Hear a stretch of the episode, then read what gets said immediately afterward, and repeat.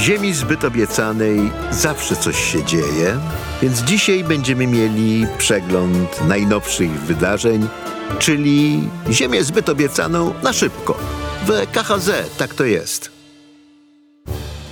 Podcast Ziemia zbyt obiecana powstaje we współpracy z Fundacją Elnet, organizacją pozarządową, której celem jest pogłębianie relacji między Europą a Izraelem w oparciu o wspólne potrzeby i demokratyczne wartości. Hebrajski zwrot derech erec y, często jest trudny w tłumaczeniu. Dosłownie on oznacza drogę ziemi, ale nie chodzi tutaj o system transportowy, tylko o zachowanie, o właściwe, stosowne, roztropne zachowanie. I właśnie o derech erec w Izraelu toczy się dzisiaj ta największa batalia polityczna. Prawo izraelskie nakłada obowiązek stosowania derech erec w decyzjach rządu, co na ogół się tłumaczy jako obowiązek y, przyjęcia kryterium roztropności. Rząd winien być roztropny w swych decyzjach, to znaczy podejmować je po rozważeniu wszystkich ewentualności, rozważeniu wszystkich konsekwencji, e, bez, e, bez zasadnego faworyzowania jakiegoś jednego elementu nad innym i Taki jest wymóg prawny, podobnie zresztą jest w Wielkiej Brytanii, która też, jak Izrael, nie ma konstytucji, w związku z tym konieczne są dodatkowe gwarancje sensownego funkcjonowania rządu. E, I właśnie to Derech Erec e, jest jednym z obiektów ataku na system sądowniczy, który koalicja rządząca w Izraelu rozpętała, jak tylko objęła władzę. Y, mianowicie rząd chce usunąć wymóg roztropności y, z decyzji politycznych rządu, twierdząc, że wymaganie tego to jest bezprawna ingerencja władzy sądowniczej w prerogatywy władzy wykonawczej. Y, ustawa, która zdejmuje z rządu obowiązek roztropności przeszła pierwsze czytanie w Knesecie, przeszła czytanie w komitecie e, legislacyjnym i kiedy nagrywam tę wypowiedź, e, nie ma jeszcze pewności, czy Kneset przyjmie ostatecznie tę poprawkę. Zdecydować się to ma w poniedziałek po maratonie głosowań, który ma się rozpocząć w niedzielę. E, opozycja zgłosiła ponad 20 tysięcy poprawek, usiłując w ten sposób e, zablokować przyjęcie ustawy zwalniającej rząd z obowiązku roztropności. E, poprawki te były odrzucane w partiach po 140 w komitecie. Być może uda się opozycji powtórzyć zgłaszanie tych poprawek na ostatnim czytaniu plenarnym, ale kiedy dzisiaj w piątek przed tym rozstrzygającym weekendem nagrywam ten komentarz, wszystko wskazuje na to, że rząd przeforsuje wymóg, zniesienie wymogu roztropności y, z, ze swoich decyzji i tym samym pierwszy element zamachu na system sądownictwa w Izraelu stanie się prawem. Rząd już nie będzie musiał być roztropny. Dlaczego rządowi tak bardzo zależy E, na tym e, zniesieniu wymogu roztropności. E, przyczyny są dwie. Jedna jest doraźna, mianowicie z arytmetyki wyborczej wewnątrzkoalicyjnej wynikało, że przywódca koalicyjnej partii Szas, reprezentującej Żydów swardyjskich, Arie Deri, miał zostać ministrem finansów. Radca prawny rządu zaskarżył jednak tę decyzję do prokuratora generalnego, a w Izraelu i radcy prawni, i prokurator generalny są od, generalny są od rządu niezależni, stwierdzając, że jest to decyzja skrajnie nieroztropna, bowiem pan Deri był dwukrotnie skazany prawomocnymi wyrokami za oszustwa, raz za oszustwa podatkowe. E, za oszustwa podatkowe odsiedział wyrok 10 lat temu, a za oszustwa dostał wyrok, co prawda dwa lata temu, ale w zawieszeniu. Zdaniem radcy prawnego rządu y, mianowanie pana Deriego ministrem finansów byłoby skrajnie nieroztropne, skoro został skazany za oszustwo, Ale sam Deri argumentuje, że tu w ogóle nie ma problemu, bo pierwszy wyrok był 10 lat temu, a prawo izraelskie zabrania osobom skazanym piastowania funkcji ministerialnych przez 8 lat po wyroku, a tu już minęło 10. No a drugi wyrok był w zawieszeniu, to o czym tu w ogóle mówić. Drugi wyrok był w zawieszeniu, dlatego że e, oskarżony Deri obiecał sądowi, że się wycofa z życia publicznego i politycznego. I tylko dlatego dostał wyrok w zawieszeniu. No, nie dotrzymał słowa przed sądem, no, ale może powiedzieć, że nie musi, żadne prawo nie zmusza obywateli do tego, żeby nie kłamać przed sądem.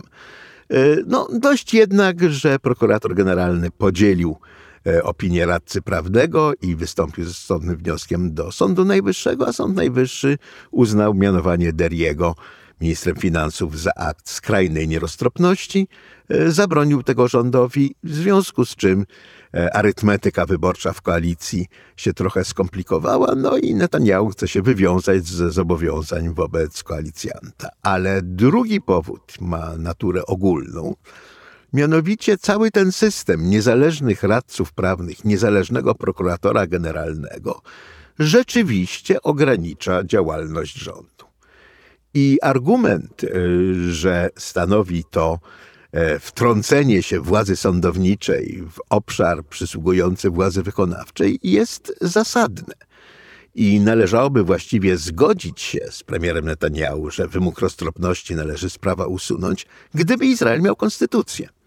To znaczy, gdyby na straży roztropności stali nie radcowie prawni rządu, tylko ustawa zasadnicza, która jednoznacznie określa, co rządowi wolno, a czego mu nie wolno. Przy braku takiej ustawy e, radcowie prawni są ostatnim systemem zabezpieczeń e, broniących przed e, samowolą i nieroztropnością rządu i dlatego ten wymóg roztropności należy utrzymać. Tak uważają przeciwnicy koalicji rządzącej, którzy nadal w dziesiątkach tysięcy demonstrują na ulicach. Te demonstracje się radykalizują. E, w minionym tygodniu demonstranci próbowali blokować lotnisko, blokować dworce kolejowe, e, od dawna blokują już główne autostrady i potwierdzają e, swoją odmowę dalszej służby wojskowej, jeżeli ta reforma sądownictwa, jak ją określa pan premier, miałaby wejść w życie bo mówią, nie chcą służyć dyktaturze. W zupełnie zdumiewającym oświadczeniu były szef Shin Betu, czyli e, Agencji Bezpieczeństwa Wewnętrznego, oświadczył, że protestujący mają rację. Istotnie, jeżeli rząd przeprowadzi swój, swoje zmiany w ustroju sądownictwa, rząd stanie się dyktaturą, a dyktaturze służyć nie należy. To mówi były szef Shin Betu, no osoba, którą trudno podejrzewać o jakieś szczególnie liberalne skłonności, natomiast która wie, co to znaczy, że rząd przestaje funkcjonować w ramach prawa.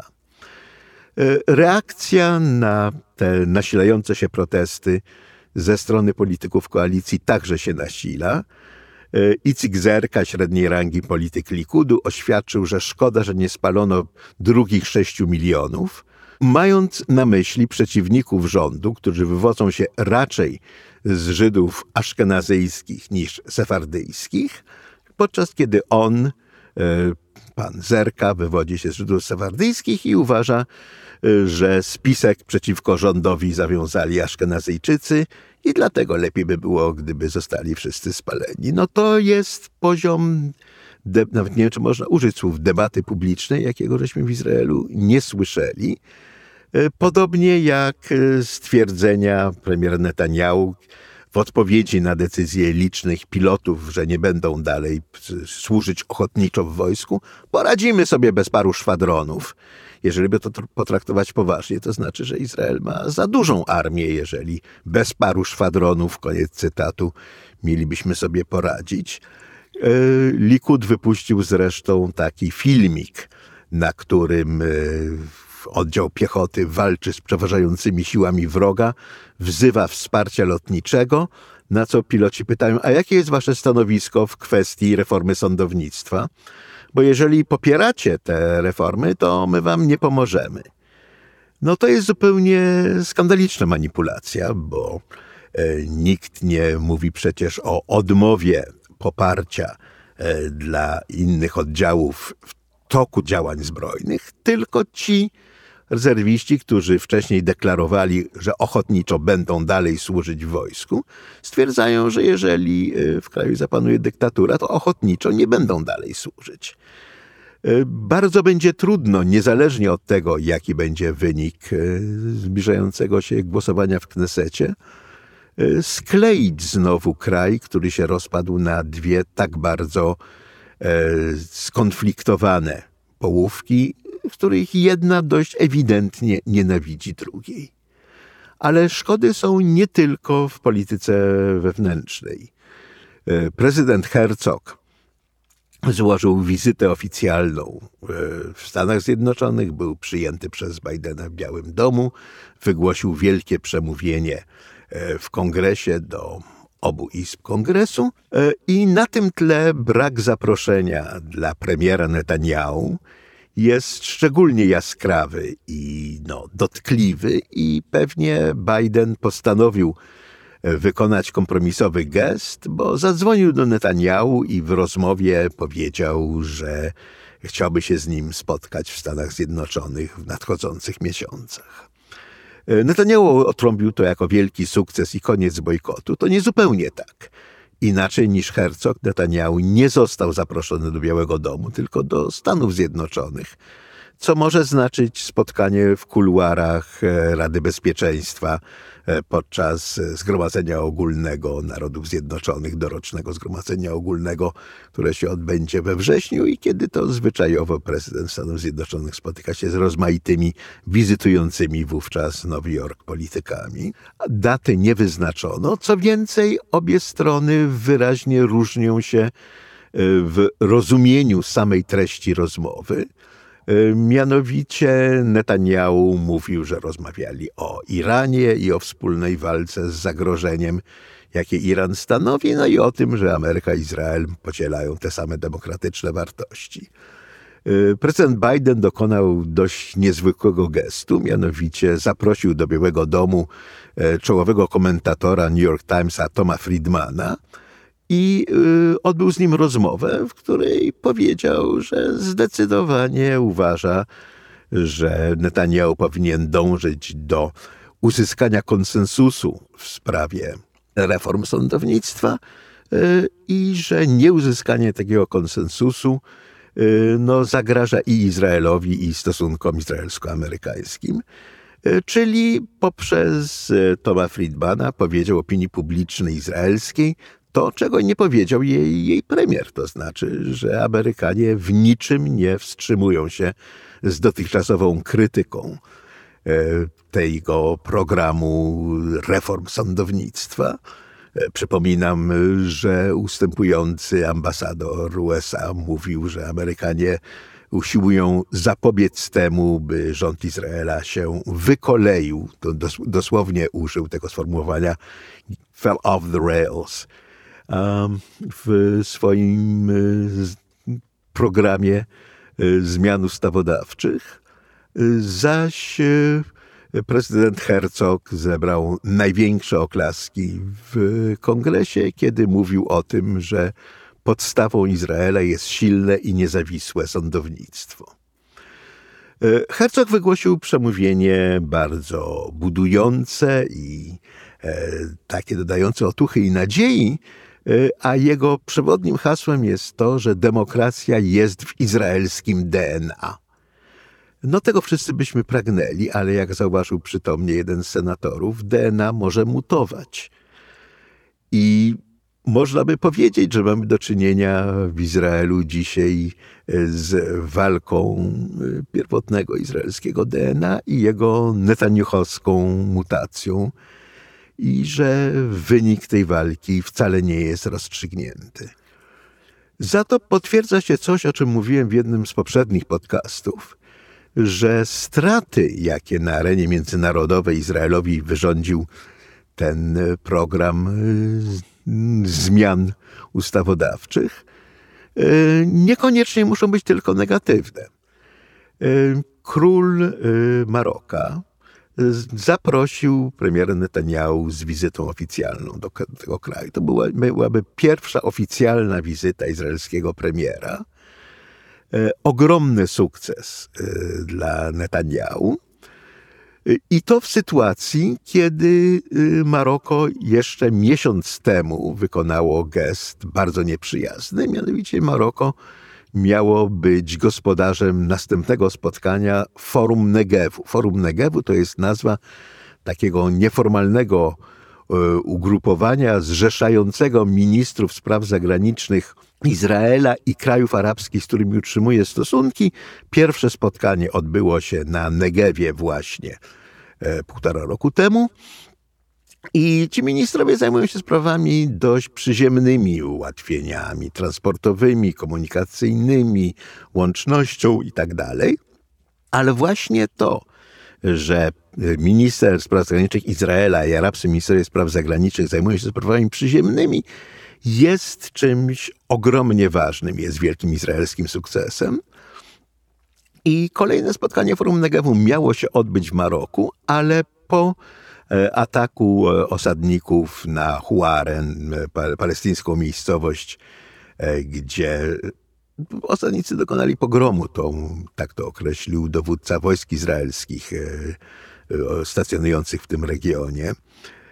W odpowiedzi na terrorystyczny zamach, gdzie w okolicach Huary zamordowano izraelską rodzinę. No więc po tym pogromie Maroko odwołało posiedzenie Forum Negevu, którego miało być gospodarzem. I przez jakiś czas wyglądało na to, że izolacja Izraela się pogłębia, ale Izrael zdecydował się wreszcie y, uznać marokańską suwerenność nad Saharą Zachodnią.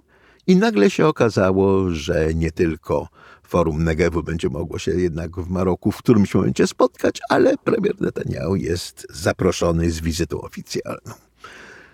E, ta kwestia Sahary Zachodniej jest fascynująca sama w sobie. To była kolonia hiszpańska, która po wycofaniu się kolonizatorów ogłosiła niepodległość, została uznana przez ONZ i przez połowę państw członkowskich, po czym została najechana przez Maroko. To był głównie marsz setek tysięcy Marokańczyków, po prostu przekroczyli granicę i weszli na teren Sahary Zachodniej.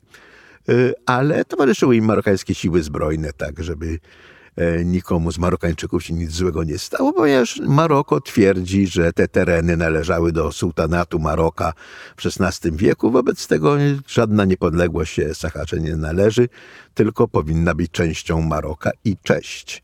E, to się zdarzyło w 1974 roku. Od tej pory Maroko zasiedliło Saharę Zachodnią własnymi osadnikami, jest ich więcej niż rdzennych mieszkańców.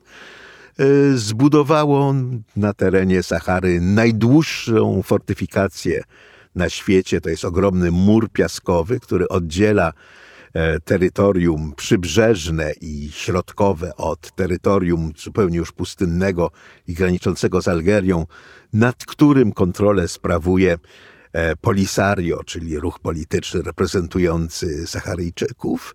E, rzecz w tym, że e, na terenie, którym Maroko sobie przywłaszczyło, są gigantyczne złoża fosfatów, których eksport jest jednym ze źródeł dochodów marokańskiego budżetu, a w wodach przybrzeżnych jest mnóstwo ryb, które łowią rybacy z Unii Europejskiej, także dokładając się do marokańskich dochodów. E, większość państw świata nie uznało e, marokańskiej okupacji, ale z czasem e, ta liczba państw, które nadal trwały przy niepodległości Sahary, zaczęła maleć, bo no Sahara oprócz tego, że miała rację, niewiele miała do zaoferowania. Maroko miało do zaoferowania rozmaite benefity. E, Unia Europejska też e, waha się w swoim stanowisku w tej sprawie. Stany Zjednoczone za Trumpa uznały e, suwerenność Maroka nad Saharą. Izrael bardzo długo się wahał, ponieważ Organizacja Jedności Afrykańskiej nadal stoi na stanowisku, że Sahara jest niepodległa, a Izrael bardzo starał się zostać przyjęty do Organizacji Jedności Afrykańskiej jako państwo obserwator. I dopiero kiedy okazało się, że Większość państw członkowskich nie zamierza popierać Izraela w tej sprawie. Zdecydował się na straty w Afryce, ale korzyści w Maroku uznał suwerenność marokańską i stąd wizyta Netanyahu możemy być pewni, że kiedy do niej dojdzie, będzie okrzyczana jako kolejny dowód słuszności e, polityki tak zagranicznej, jak i wewnętrznej obecnego rządu koalicyjnego. Tymczasem w samej koalicji zaczynają pojawiać się wątpliwości.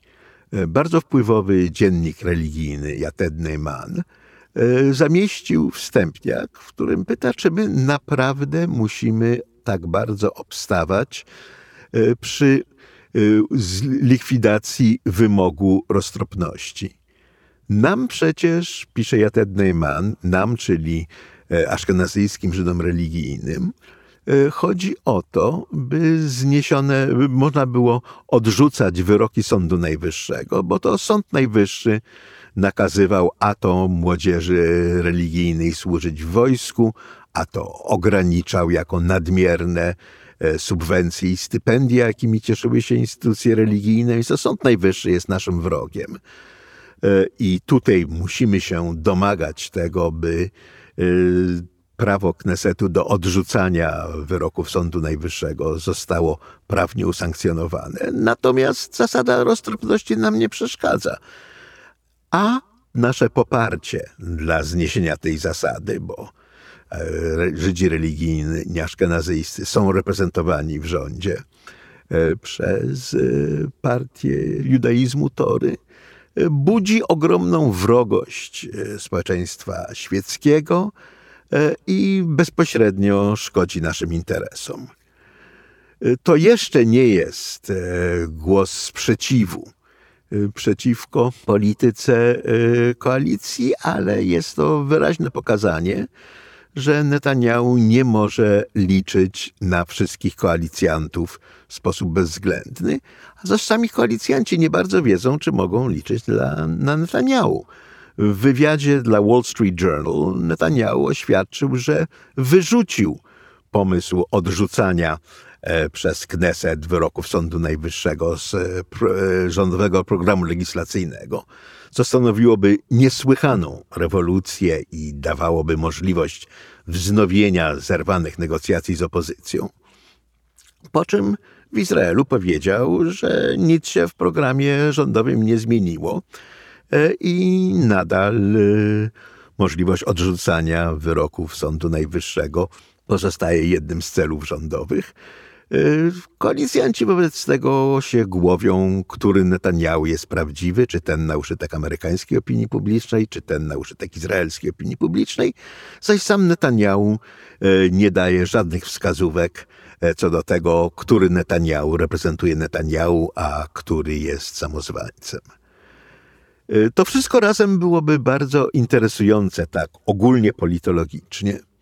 Gdyby nie to, że już 29 tygodni Izrael jest na ulicach, protestując przeciwko e, programowi ustawodawczemu, co do którego e, nie ma najmniejszych wątpliwości. Tak mówi były szef Shin Betu, tak mówi były prokurator generalny, tak mówi reprezentująca połowę kraju opozycja, że to nie jest reforma legislacyjna, to jest zamach stanu. Przeprowadzeniu tych zmian e, Izrael przestanie być demokracją. I to jest stawką w tej rozgrywce. Dopiero Izrael, który pozostanie demokracją, może się zastanowić, e, jak uregulować stosunki między władzą sądowniczą, wykonawczą i ustawodawczą.